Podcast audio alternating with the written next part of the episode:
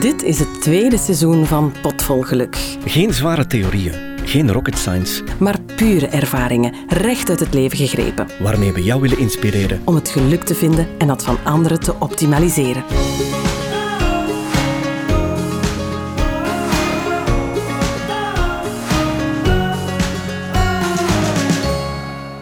Welkom in een gloednieuw tweede seizoen. Sophie, ik ben er eigenlijk wel fier op. Ja, ik ook. Ik vind dat we een fantastisch eerste seizoen hebben gehad met Ingeborg, met Steven Goegebuur en allemaal stuk voor stuk interessante en boeiende gasten. En dat heeft mij heel veel honger gegeven naar een tweede seizoen. En daarom kijk ik er naar uit om onszelf eens te interviewen. Mhm. Want ik krijg regelmatig de vraag, ja goed, je bent wel coach, maar wat doe je precies? En Mhm. hoe denk jij erover? We moeten eens de kans durven grijpen om dat ook te vertellen. Ja, misschien moet jij meteen van wal steken. Waarom ben jij coach geworden en wat doe jij, Luc? Ik vind het moeilijk om mezelf life coach te noemen. Er is een wildgroei aan life coaches en ik vind dat de mensen die daar argumenten tegen hebben, soms wel een beetje een punt hebben. En ik zou mezelf liever gelukscoach willen maken. Want ik ben heel lang geleden ben ik zelf in een depressie gesukkeld. Toen, eh, toen was ik zelf nog maar eh, 30. Ik had bijna mijn eigen baby weggegooid. Ik zat in een depressie en mijn vrouw was even weg. En ik zat met die kleine alleen. Die begon te wenen, die begon te huilen. En ik had hem bijna echt weggegooid. En mijn vrouw kwam erop uit en die zei: "Mm, Hier is iets aan de hand. Gelukkig kende zij de symptomen. Zei ze: Je bent depressief. Ik heb dat heel snel aanvaard. En dat was de eerste keer dat ik eigenlijk in mijn leven iets voor had. En dat heeft toch wel een impact gehad. Ik heb dat onderzocht. Ik heb mezelf beter leren kennen. En dat heeft geresulteerd dat ik in 2010 een wereldreis heb mogen maken. Ik dacht, ik wil nog meer weten. En ik ging op zoek naar hoe werkt dat nu met wensen, dromen en verlangens bij mensen. En ik ben daar eh, heel rijk van teruggekomen. Want ik heb toch wel wat materie meegebracht. Maar vier jaar later sukkelde ik weer in een burn-out. Door zeven op zeven te werken. Dat was het helemaal niet. Ik heb rust gezocht en ik heb vooral gestudeerd. En toen dacht ik, ik heb zoveel materie ondertussen al over conditioneringen, over wie ben ik, over wat wil ik zijn, wat zijn mijn talenten, dat ik dacht, ik moet dit eh, met anderen delen. Daarom ben ik coach geworden. Jij wil andere mensen ervan weerhouden om in een depressie te belanden? Of wat denk je juist te kunnen betekenen? Toen ik zelf die depressie had, ben ik van een kale reis moeten terugkomen omdat ik dacht dat een depressie voor zwakkelingen en voor watjes was. Dat is iets voor mensen die het leven niet aan kunnen. Terwijl ik er zelf in sukkelde, tot twee keer toe, want de burn-out heeft net hetzelfde gedaan. Ik wil mensen inderdaad tools aanreiken dat het niet onoverkomelijk is. Het kan gebeuren, het is een momentum en er zijn veel mogelijkheden om daaruit te klimmen. Heb jij toen professionele hulp gezocht? Uiteraard, maar dat was van korte duur. Heeft dat dan niet geholpen of waarom was het van korte duur?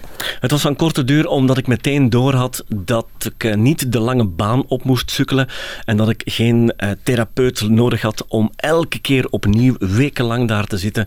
Ik heb toen drastische dingen veranderd. Ik ben van werk veranderd. Ik ben beginnen studeren. Ik heb een aantal eh, zaken geliquideerd in mijn leven. En dat heeft er eh, toe bijgedragen dat ik het anders ben beginnen gaan te bekijken. Ik heb van een aantal dingen bewust gaan genieten. Bovenop die koffie waar iedereen spreekt. Hè. Als je aan iemand vraagt wat is jouw eigen mood booster, zoals ik het graag noem, dan zegt iedereen bijna altijd, ah, ik kan van een kopje koffie genieten. Ja, dat is waar, maar ga iets verder en ga zoeken. Stel dat je in een diep zit, wat kan jou even bewust daar bovenop helpen? Net zoals je een eh, paracetamolpilletje gaat nemen, als het ergens pijn doet. Je haalt daarmee de oorzaak niet weg, maar je gaat even de symptomen bestrijden. Dat is een beetje net hetzelfde met mijn mood boosters. Dat doet mij denken aan het feit dat ik, en ik weet jij ook, veel cliënten over de vloer krijgen die eigenlijk naar een therapeut, naar een psycholoog al geweest zijn. En Klopt. die dan, en misschien belanden we dan nu weer even in die discussie van waarom nog een coach of niet, maar misschien moeten we dat gewoon even aanstippen. Ja, dat zijn professionals, hè. die zijn opgeleid om iemand ja, zijn, zijn psyche even in kaart te brengen om aan te duiden waarom iemand zus of zo eh, is of eh, op, op een bepaalde manier reageert of waarom dat die eh, na een lange weg in een, in een dip of in een depressie belandt. Maar ik merk dat heel veel mensen, nadat ze die analyse ontvangen hebben, wel met de vraag blijven zitten van ja, maar wat nu? Het is me duidelijk. Ik ben zo omwille van hè, iets wat ik vroeger heb meegemaakt of, of een moeilijke job, een slechte relatie. Maar wat doe je ermee? Hoe gaan ze verder in het nu en in de toekomst? En ik denk dat wij daar allebei wel een heel belangrijke rol kunnen spelen. Dat klopt. En ik geef dat heel vroeg aan bij de mensen die ik over de vloer krijg. Ik zeg dat elk leerproces uit drie stappen bestaat. Je kan iets leren, nieuwe leerstof opdoen. Je kan het ook kennen, beheersen. Maar heel vaak stopt het daar. En die derde stap die wordt vaak overgeslagen. En dat is de integratie. Mhm. Dus op het moment dat iemand iets leert en dat ook kent, en dat gaat dan vooral over conditioneringen bijvoorbeeld, dat is een beetje mijn stokpaardje, dan nog gaan die valkuilen regelmatig open en trappen die mensen daarin. Het is een kwestie van te oefenen en te integreren. Ja. Wij zijn hier in Vlaanderen of in het Westen, wij zijn zo streng voor onszelf. En daar zit daar een heel groot mankement. En vandaar kom ik even terug op, de, op het feit dat ik wel begrijp dat die mensen iets tegen life coaches hebben, maar eigenlijk is dat een ontbrekend stuk in onze maatschappij. Mhm. Ik maak de metafoor met het fysieke lichaam. We hebben drie lichamen, het fysieke, het emotionele en het mentale. Als ons fysieke lichaam, als er iets mee mankeert, dan gaan we eens een pilletje pakken. Maar als het morgen nog is, dan gaan we naar die dokter. En zelfs als die dokter iets fout diagnosteert, dan gaan wij dan nog aanvaarden, want dat is normaal. Dokters zijn ook maar mensen, zeggen we dan. Maar als het mentaal en emotioneel niet zo goed gaat met ons, dan hebben wij niet die dokter. We hebben wel de specialisten, net zoals de dokter ons doorverwijst naar een specialist. En die specialisten in het mentale en het emotionele, dat zijn dan de psychologen en de psychiaters. Maar die tussenfasen, de eenvoudige man waar we, waar we gemakkelijk een gesprek kunnen mee doen, mhm. dat hebben wij hier nog niet. Want als je tegen de generatie voor ons zegt, ik ga naar de psycholoog of psychiater, dan zeggen die meteen, oei, scheelt er mhm. iets? Ik, ik gaat het zo slecht met jou? Ja, dat klopt. Ik probeer het aan mijn cliënten dikwijls met een metafoor voor te stellen. Stel, je zit in de auto en je kan niet meer rijden omdat je niet meer kan functioneren, omdat het zo slecht met je gaat. Een psychiater, psycholoog neemt dan het stuur even van jou over en rijdt met jou een eind verder, tot als je weer verder kan. Mhm. Dan heb je een therapeut die naast jou komt zitten in de zetel en die dan aanwijzingen geeft van ga hier nu links, ga hier nu rechts. Ja. Een coach staat naast de weg en wijst verschillende richtingen aan, kijkt met jou naar Mappie, welke richting wil je uit en gaat samen met jou de nieuwe route bepalen. Uh-huh. En ik denk dat dat een mooie manier is om aan te tonen wat wij doen. En dat is inderdaad een missing piece in het wetenschapsverhaal. Maar ik ben er absoluut van overtuigd dat het een meerwaarde is. En dat er hier en daar al eens een charlatan tussen zit, ja, dat hebben we met die dokters en die specialisten ook. Hè? Mhm. Ja, dat is waar. Welke thema's krijg jij zo al over de vloer? Goh, van alles. Hè. Ik denk dat de, de meeste mensen die bij mij over de vloer komen, um, mensen zijn die kampen met heel veel stress, piekeren, onzekerheden. Wat dat ik vooral probeer is mensen te leren om terug eh, grip te krijgen op hun hersenwerking. die mind die met ons uh, een loopje neemt. Wij moeten die terug onder controle krijgen. En ik bedoel met een loopje nemen dat wij situaties heel dikwijls in ons hoofd gaan, gaan voorspellen. We gaan die vergroten. We gaan situaties ook voortdurend blijven herkouwen of zelfs onderdrukken of negeren. Mhm. En dat zorgt voor heel veel piekeren en een, over, een overdreven hersenwerking. En daar, daar ben ik vooral heel veel mee bezig, omdat het ook een invloed heeft op ons lichaam.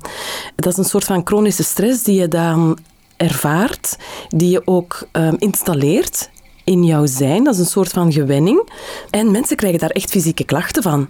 Veel mensen hebben, um, zijn kortademig of krijgen nek- en schouderpijn. Uh, heel veel mensen met rugklachten, mhm. buikpijn, prikkelbare darm, hoofdpijnen. Ja, dat zijn allemaal zaken die resulteren van stress. Van stress krijg je echt alles. En ik ga dan samen met die cliënt bekijken waar komt dit vandaan en hoe kunnen we dat oplossen. En meestal helpt het al voor een groot deel dat je de situatie gewoon in kaart brengt. Um, dat geeft zoveel inzicht in de situatie die we dan op een 360 graden viewpoint gaan bekijken. En uh, dat is dikwijls al het eerste ontknopen van, van een warboel. Hè. Komen die mensen dan met fysieke klachten bij jou? Uh, nee, ze komen niet in C met fysieke krachten. Uh, ze kunnen wel benoemen van ik heb stress of ik ben onzeker of ik word heel vlug kwaad. En dan begin ik te vragen van ja, heb je ook last hier of hier of daarvan? En dan bevestigen ze dat meestal wel. En dan weet ik wel van ja, oké, het, is, het is echt het is, het is verder dan alleen uh, ik ben onzeker of ik ben aan het piekeren. Nee, je hebt er mhm. echt volledig um, je lichaam mee lam gelegd uh, voor een stuk. Maar dus piekeren, onzekerheid, faalangst, slecht slapen, dat is meestal een gevolg van een gebeurtenis of een situatie die, die ook langer geleden is of iets wat dat heel lang al aan het aanslepen is en die dan als een blokkade om, uh, om de mensen hangt. Hè.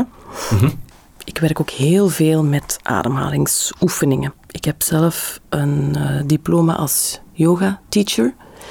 Dus ik ken ook heel veel van die uh, heel goede oefeningen. En uh, ik denk dat de belangrijkste oefeningen meditatie zijn, zitten, zijn en uw ademhaling onder controle brengen. Mhm. Ik ben zelf daar ook um, zo in die wereld beland na een enorm stressvolle um, ervaring in mijn leven ben ik uh, via, via, via uh, hartcoherentie gaan volgen.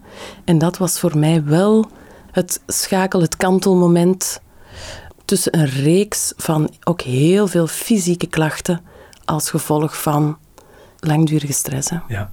Werk je ook bewust met de bezoekers, jouw cliënten, aan het geluk, aan hun geluk? Ja, eigenlijk wel. Ja. Ik vind dat heel belangrijk om te weten wie ben jij, waar wil je naartoe? Ik neem dat heel graag mee in dat groter geheel. Ik vind dat ook zo belangrijk. En ik voel ook dat dat mensen deugd doet. Dat ik die bigger picture er durf bijtrekken. En uh, ja, ben je daar zelf uit, Luc? Wat geluk voor jou mag brengen of wat geluk voor jou is? Ja hoor. Uh, ik heb voor mezelf een aantal kapstokken gecreëerd. Hmm. Mede omdat we de vraag altijd zelf stellen aan onze gasten. Hè? Ja, het, is, een draak van een vraag, zoals Ingeborg het zei. En dat is inderdaad zo. En dankzij Ingeborg ben ik ook dieper gaan graven van wat betekent dat nu eigenlijk voor mij? Stel dat iemand, en het is zover nu, stel dat iemand mij die vraag stelt. Ik ben nog niet voorbereid. Wat is geluk? Maar dat, volgende keer, Sophie. Nee, ik wil er al over nadenken. Ik heb dat ontrafeld in, in verschillende mogelijkheden, want er, er is geen exacte wetenschap Uiteraard niet. En geluk is uh, voor iedereen, heeft dat een beetje een andere kleur, een andere intensiteit. Uh, wat het voor mij uh, meestal niet betekent, maar wat mensen eronder verstaan, is iemand die gewoon een chance heeft gehad een chance hebben. Uh, iemand die een wedstrijd wint, iemand die het klassieke lotto winnen. Dat verstaan mensen onder geluk, maar dan eigenlijk geluk als zelfstandig naamwoord, het geluk hebben. Mhm, mhm. Dat heeft niks te maken met het geluk dat je binnenin ervaart. Uh, maar dat heb ik wel bekeken. En ik zou heel graag zo eens uh, een, een, winnaar van een of andere wedstrijd willen capteren. mijn zoon heeft ooit een ontwerpwedstrijd gewonnen, 170 deelnemers, en hij won en ik was daar. Het is bijna onbeschrijfelijk dat wat je dan op dat moment voelt, dat is zo moeilijk te capteren. Dus ik zou eens graag een winnaar, die onverwacht winnaar is geworden, bij zijn kraag willen pakken en zeggen: Hoe voelt jij je nu? Maar ja, we gaan dat gewoon lanceren. Kom aan. Ken jij iemand die ooit eens een grote prijs gewonnen heeft, of de lotto, of ben je zelf een winnaar van iets gigantisch, dan willen we jou eens heel graag interviewen in, uh, in dit seizoen. Want daar gaan we dit seizoen wel naar op, naar op zoek. En naar de man in de straat verhalen die ons uh, ja, wat meer inzicht brengen in het dagdagelijks geluk. En hoe mensen ermee omgaan. We willen graag het keerpunt tonen wat mensen ertoe heeft aangezet om uit de put of uit uh, het dal te mhm. klefferen. En we willen graag weten hoe dat die mensen dat gedaan hebben. Niet zozeer om als exacte wetenschap weer te geven, maar er zijn zoveel mogelijkheden om de kwaliteit van je leven te verbeteren. Absoluut. En het is gewoon inspiratie wat we willen meegeven hier gratis uh, in jouw oor. Um, maar Luc, vertel verder. Jouw ja, geluk. Ja, want een, een tweede anker wat ik belangrijk vind in gelukkig zijn, dat is dat wij ons altijd ergens tussen twee punten van uitersten plaatsen als mens. Ons brein gaat daar met, met, met de keer. Het is, we zijn niet helemaal wit, we zijn ook niet helemaal zwart, maar we zijn daar ergens tussenin. Terwijl we in realiteit, als we dat gaan vergelijken met andere mensen, dat wij toch wel neigen naar die witte kant of naar die zwarte kant. En dat heb ik geleerd uit de NLP. Mhm. Die hebben ons die uiterste gegeven. Die hebben verschillende... Neurolinguistisch programmeren, want dat is misschien niet voor iedereen... Uh... Het reprogrammeren of het herprogrammeren van ons denken. Waar ik heel veel aan gehad heb, dat is het feit dat mensen een interne of een externe referentie hebben. Voor mij was dat toen een vies woord om te begrijpen dat op het moment dat wij iets beslissen, dan gaan wij ofwel rekening houden met mensen buiten ons, of we gaan rekening houden met hetgeen wat we intern voelen. En we neigen altijd naar die een van die twee kanten.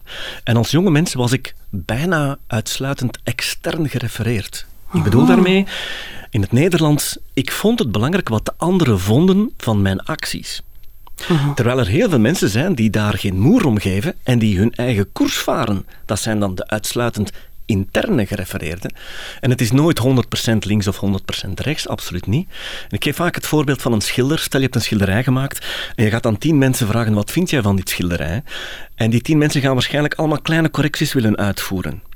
Als je extern gerefereerd bent en je gaat naar die raadgevingen tussen haakjes luisteren, dan gaat het schilderij vernietigd worden. Want je gaat tien meningen op dat ene schilderij willen toevoegen, corrigeren, om het beter te maken.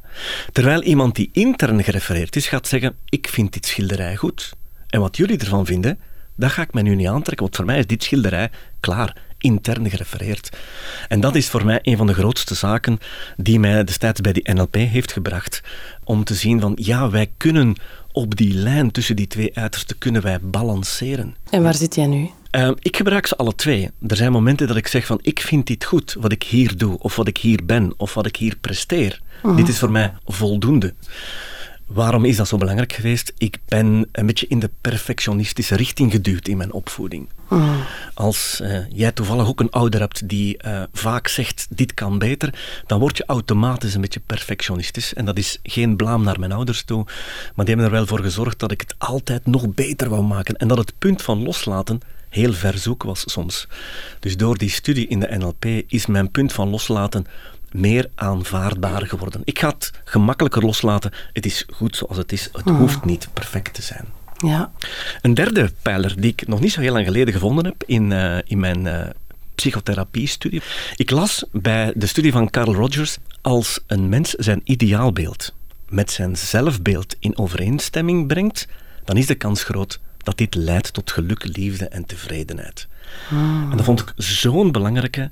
Ik heb die geprint, ik heb die in mijn badkamer hangen. Ik vind het een heel belangrijke, lijkt een beetje idealistisch, hè, want de meeste mensen gaan zeggen, ja, dat is normaal, hè, als uw droombeeld uw realiteit wordt. Maar zijn we er ook actief mee bezig? Doen wij ons uiterste best om naar ons eigen droombeeld te groeien?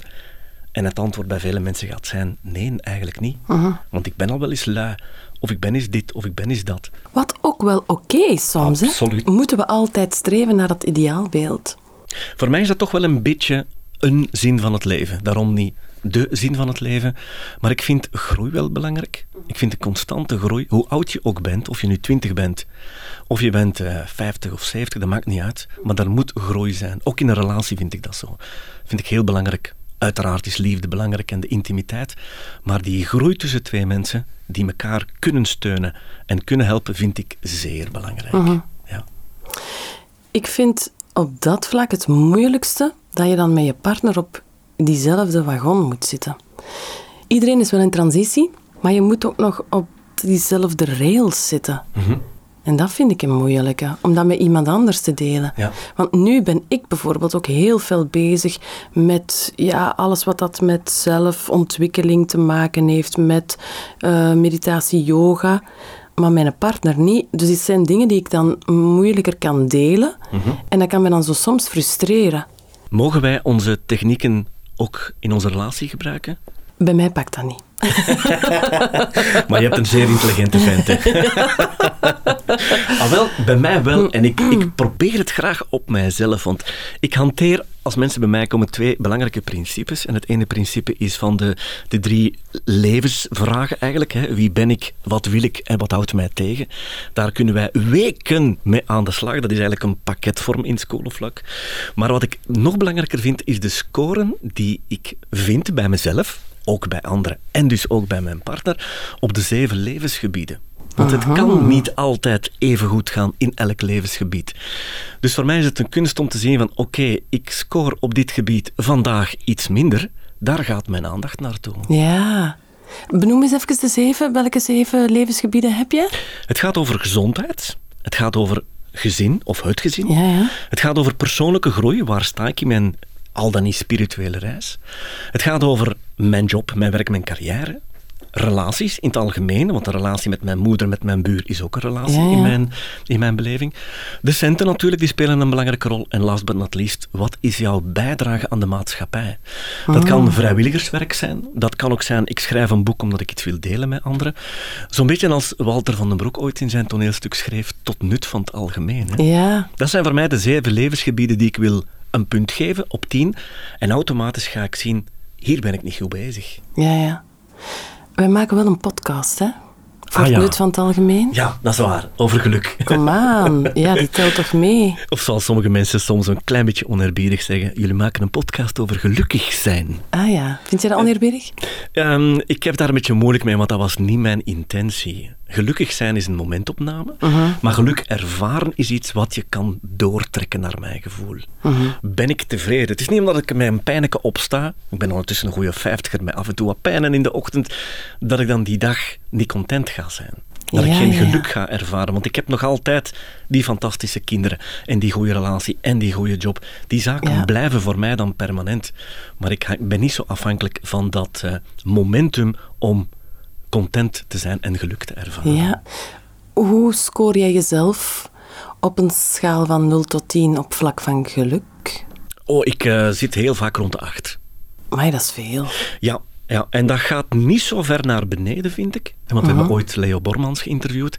Die zei eens, ik scoor soms een 3 en een 4. En nee, dat kom ik bij mezelf niet tegen.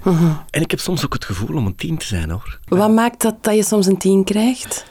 Nu ga, ik, nu ga ik een heel gemakkelijk cliché bovenhalen. Ik word soms heel gelukkig van mijn kinderen. Tuurlijk. Ja, ik vind dat die het heel goed doen, alle twee. Terwijl dat die compleet anders zijn. Ik ben er zo fier op en ik vind het zo fijn wat die mannen doen.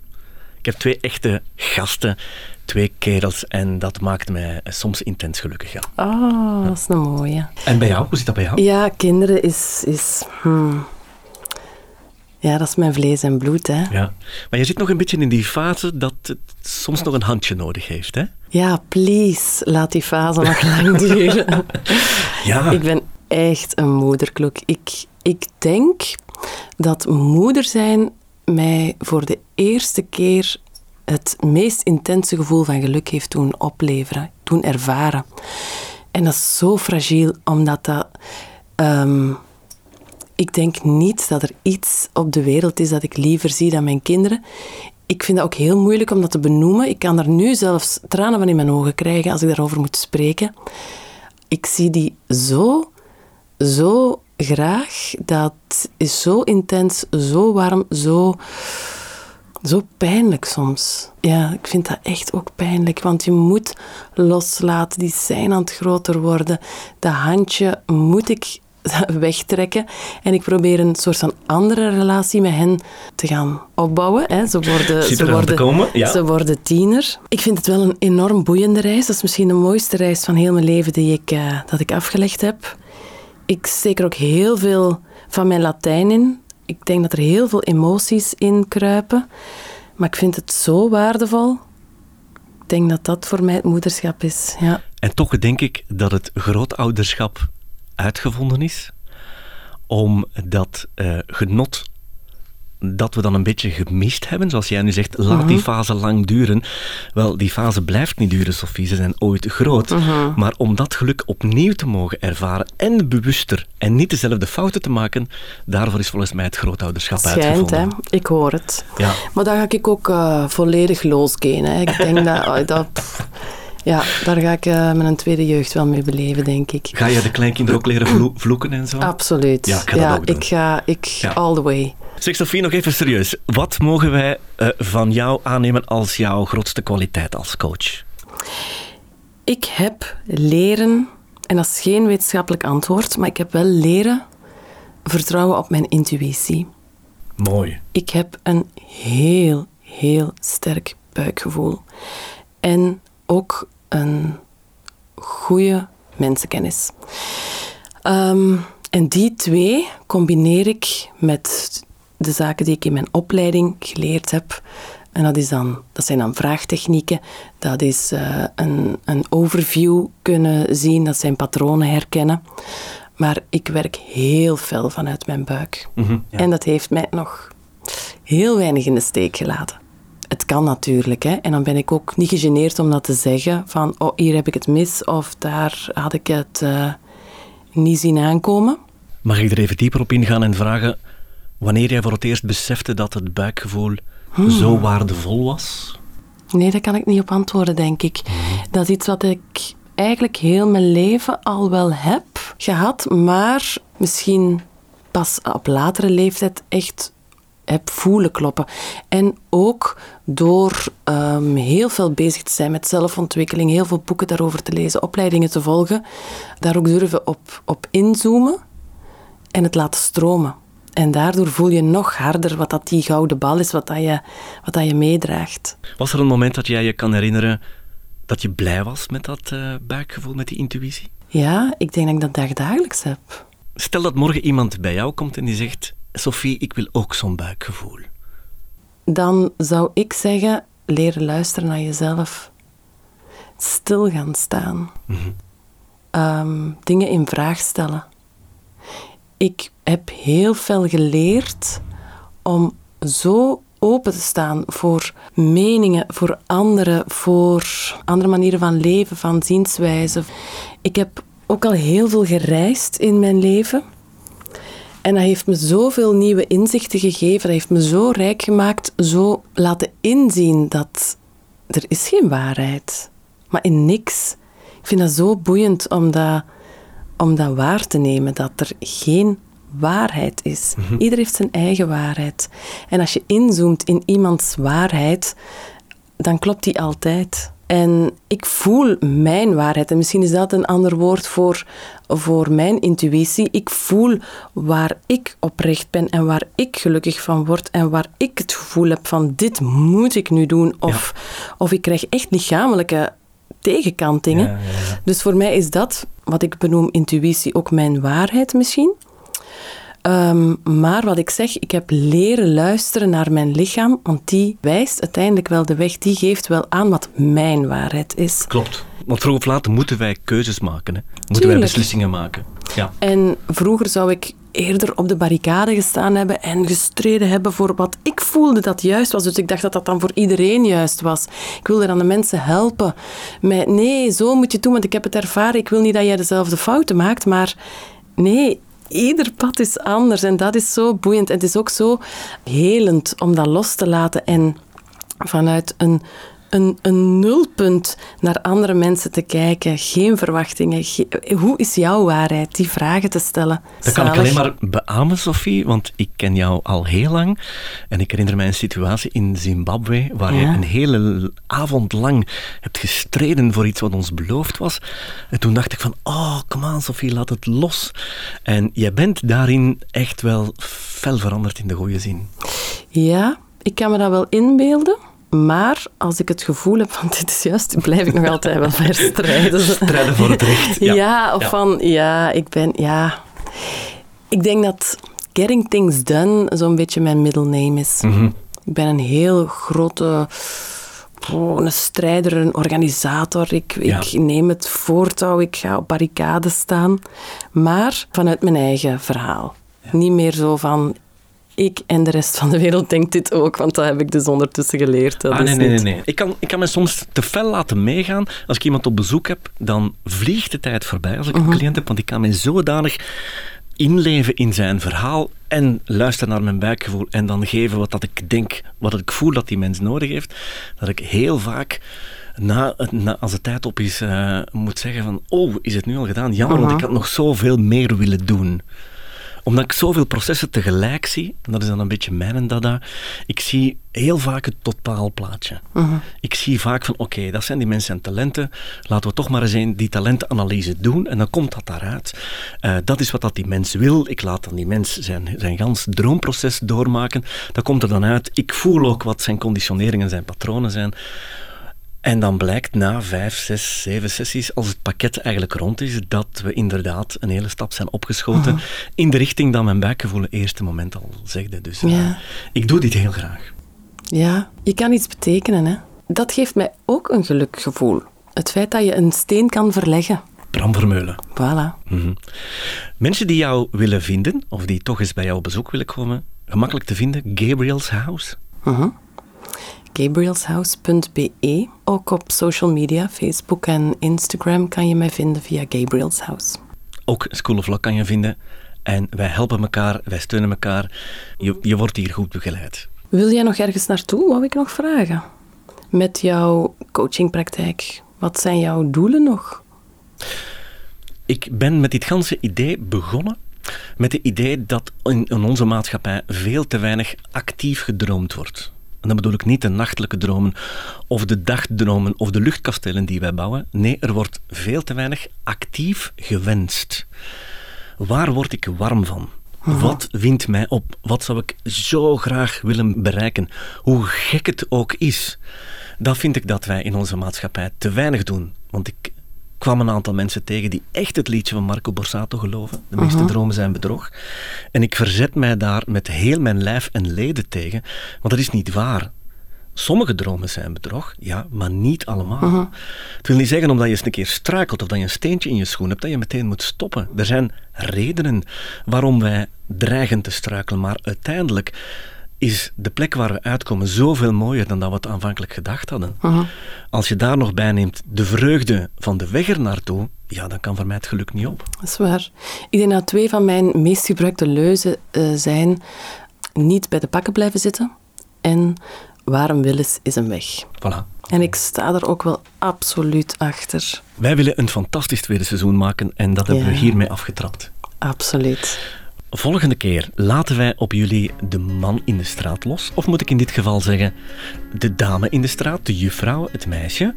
Want zij heeft een uh, donker pad doorlopen en Aha. is er uiteindelijk uitgeklommen met als resultaat een boek.